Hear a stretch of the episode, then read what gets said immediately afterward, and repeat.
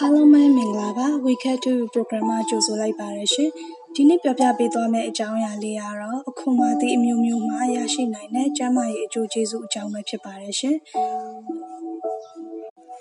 ကျန်းမာရေးအတွက်ကောင်းတဲ့အခွန်မအသီးတွေကတော့နံပါတ်1ကဘာဒန်သီးဖြစ်ပါတယ်။ဘာဒန်သီးကအစာခံစေတယ်၊ကိုယ်အလေးချိန်မတောင်ထိန်ပေးတယ်၊အယိုးများကိုတန်ဆွမ်းစေတယ်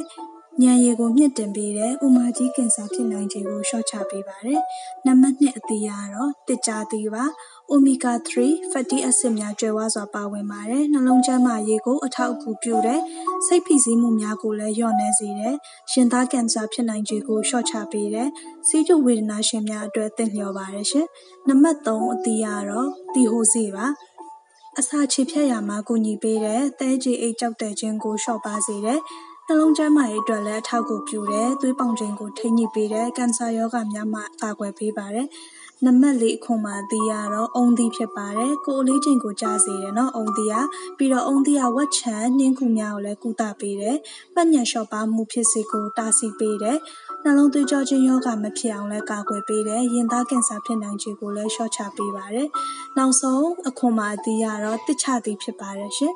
တစ်ချတရားဆိုလို့ရှိရင်တွေးသွင်းတကြားတက်ကိုထိန်းညှိပေးတယ်။ပူလန်းချောင်းကိုအထောက်အကူပြုတယ်။သွေးရနေခြင်းကိုကုသပေးတယ်။ကိုယ်လင်းကျိတ်ကိုလျှော့ချစေတယ်။မှတ်ညံရောပါခြင်းမှကာကွယ်ပေးပါတယ်။ဒါဆိုရင်တော့အခွန်မာသီးတွေစားသုံးပေးခြင်းကြောင့်ဘလို့အကျိုးကျေးဇူးတွေရလိမ့်မလဲဆိုတာသိရှိနားလည်သွားမယ်ထင်ပါတယ်နော်။အားလုံးကိုကျေးဇူးတင်ပါတယ်ရှင်။